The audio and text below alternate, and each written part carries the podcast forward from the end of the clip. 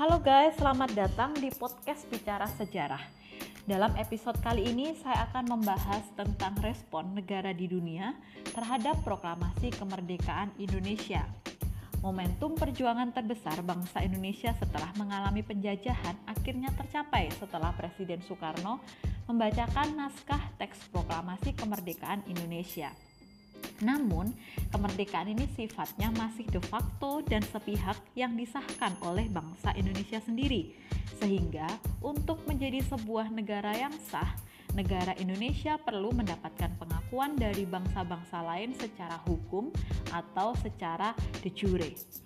Negara mana saja sih yang mendukung dan memberikan pengakuan kemerdekaan bagi Indonesia? Kita akan bahas satu persatu mulai dari negara Mesir. Pengakuan pertama kali bagi Indonesia secara de jure didapatkan dari negara Mesir. Nah, kesamaan unsur agama yang sama-sama mayoritas berpenduduk beragama Islam juga menjadi salah satu faktor kedekatan dan terjalinnya hubungan baik antara Indonesia dengan Mesir.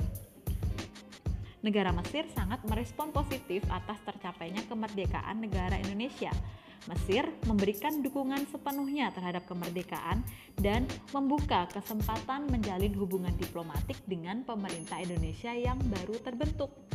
Nah, gimana sih kronologisnya pemberian legitimasi kemerdekaan dari Mesir kepada Indonesia? Kita akan jelaskan dari sini ya. Kuatnya dukungan rakyat Mesir atas kemerdekaan Indonesia akhirnya mendorong Raja Farouk serta pemerintah Mesir mengakui kedaulatan pemerintah Republik Indonesia pada tanggal 22 Maret 1946. Dengan demikian, Mesir tercatat tercatat sebagai negara pertama yang mengakui proklamasi kemerdekaan Indonesia Selanjutnya, pengakuan kemerdekaan juga terus mengalir dari negara-negara Arab untuk negara Indonesia. Pengakuan Mesir dan negara-negara Arab tersebut melewati proses yang cukup panjang. Setelah informasi kemerdekaan Indonesia disebarkan ke seluruh dunia, pemerintah Mesir langsung mengirim Muhammad Abdul Munim selaku konsul jenderal Mesir di Bombay, India menuju Yogyakarta. Konsul utusan Mesir tersebut masuk ke Indonesia dengan menembus blokade Belanda untuk menyampaikan dokumen resmi pengakuan Mesir kepada negara Republik Indonesia.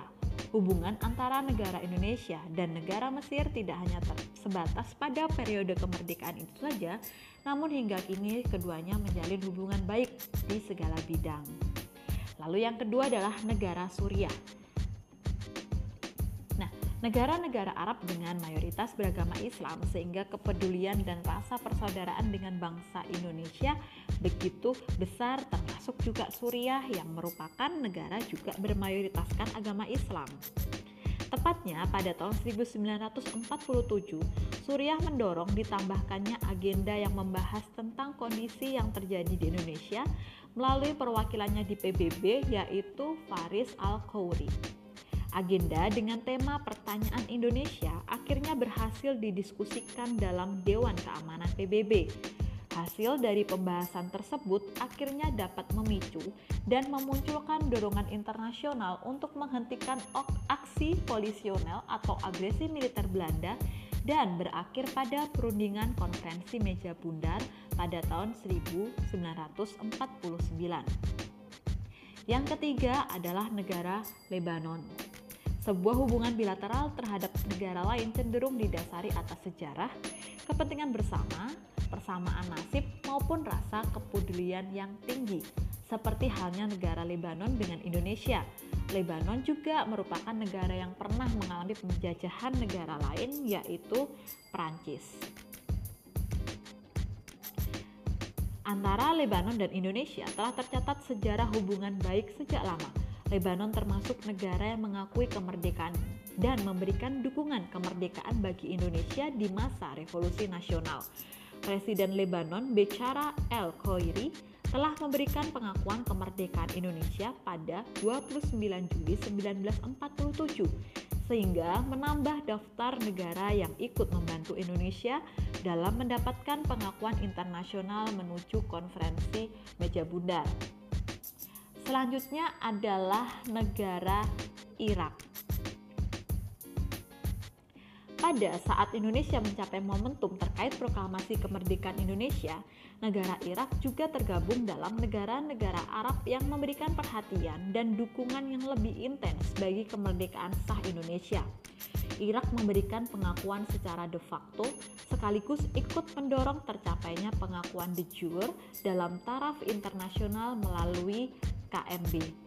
Setelah Indonesia benar-benar berdiri dan memiliki kedaulatan negara yang sah, hubungan bilateral, bilateral, bilateral antar kedua negara tersebut semakin ditingkatkan dan memperluas jangkauan kerjasama antar negara.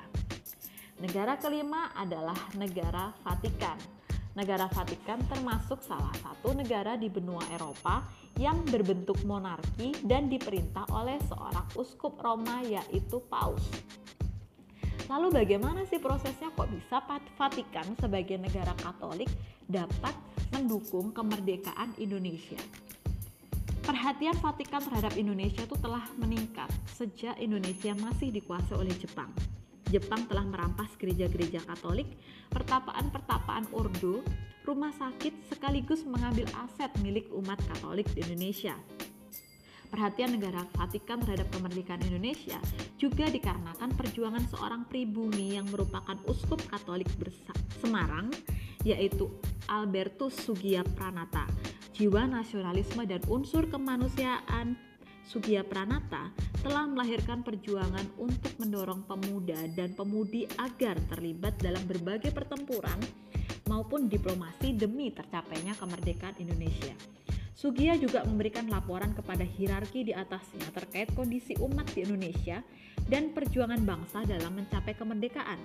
Dengan demikian, lahirlah suatu rasa kedekatan dan persaudaraan antara Vatikan dengan persamaan lain antara Indonesia dan Vatikan adalah falsafah kedua negara yang anti-ateisme, perdamaian dunia, kerukunan antar umat beragama, dan kesejahteraan serta keadilan sosial bagi seluruh umat manusia.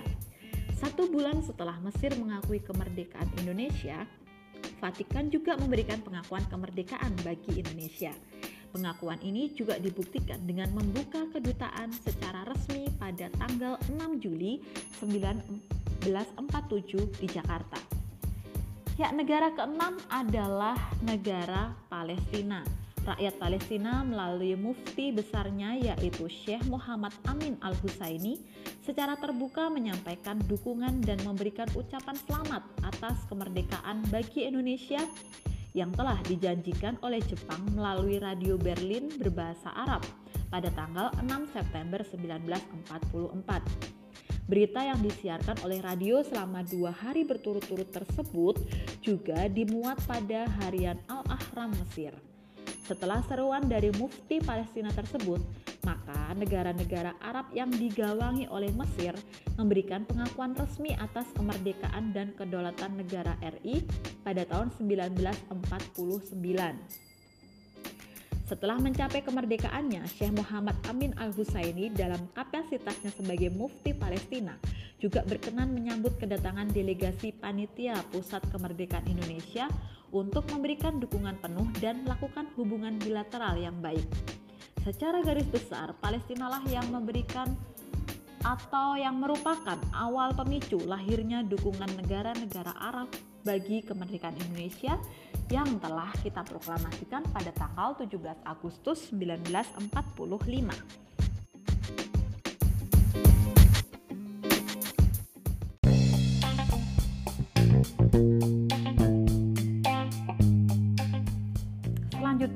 Adalah negara India dukungan dari negara India itu dilatar belakangi oleh persamaan kebudayaan yaitu Hindu-Buddha, persamaan nasib yang sama-sama ingin merdeka, dan hubungan antara pemimpin negara yang akrab antara Perdana Menteri India Jawaharlal Nehru dan Muhammad Hatta.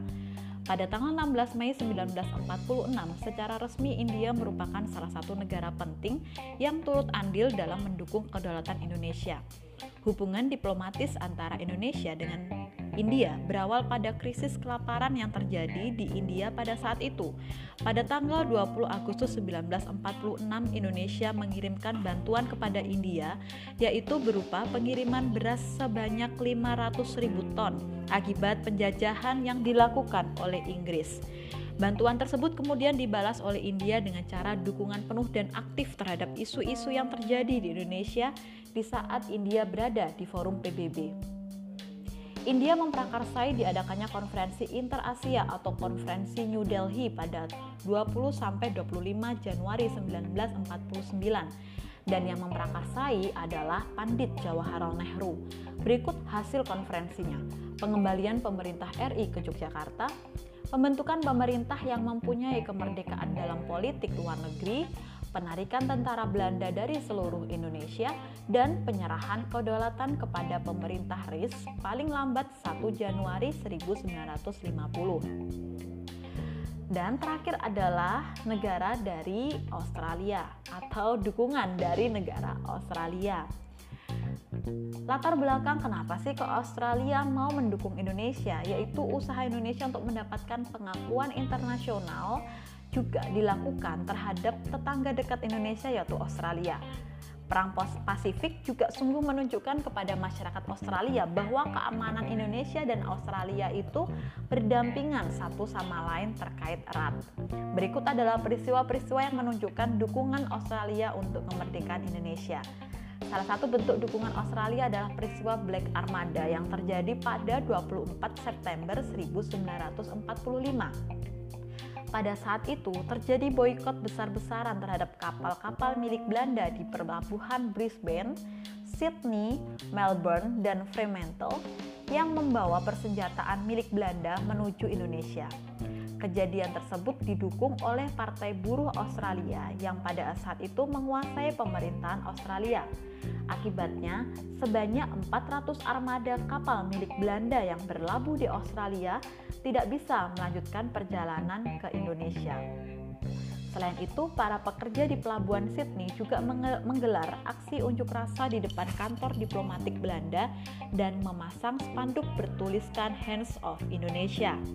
Dan partisipasi aktif Australia dalam berbagai diplomasi Indonesia Belanda, buktinya adalah Australia pernah ditunjuk menjadi negara wakil dari Indonesia dalam KTN atau Komisi Tiga Negara.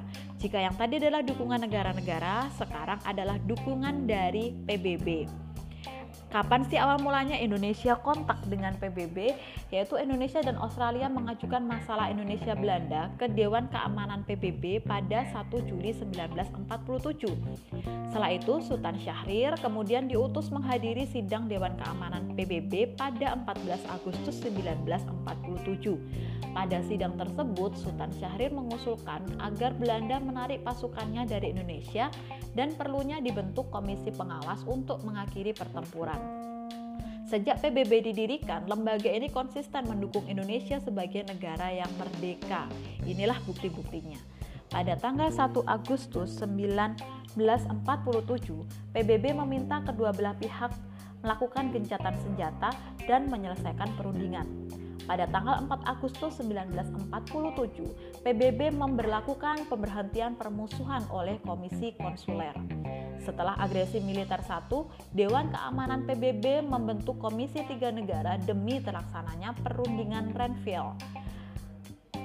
Lalu, setelah agresi militer 2, Dewan Keamanan PBB membentuk UNCI United Nations Commission for Indonesia untuk menggantikan KTN. Pemerintah RI pun mengutus Lambertus Nekodomus Palar sebagai wakil tetap RI pertama di PBB. Ia berperan besar dalam usaha mendapatkan pengakuan internasional kemerdekaan Indonesia.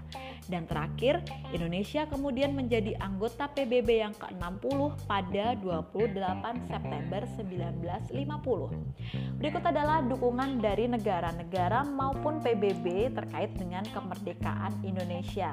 Hal ini membuktikan bahwa tidak ada yang benar-benar bisa hidup sendiri. Negara mana pun membutuhkan orang lain, maka diperlukan ada sinergi antara negara satu dengan negara lain. Demikianlah materi kita hari ini. Semoga cukup menjelaskan, cukup menerangkan kalian semua bagi yang bertanya-tanya ataupun masih kurang jelas. Terima kasih, Tuhan Yesus memberkati. thank you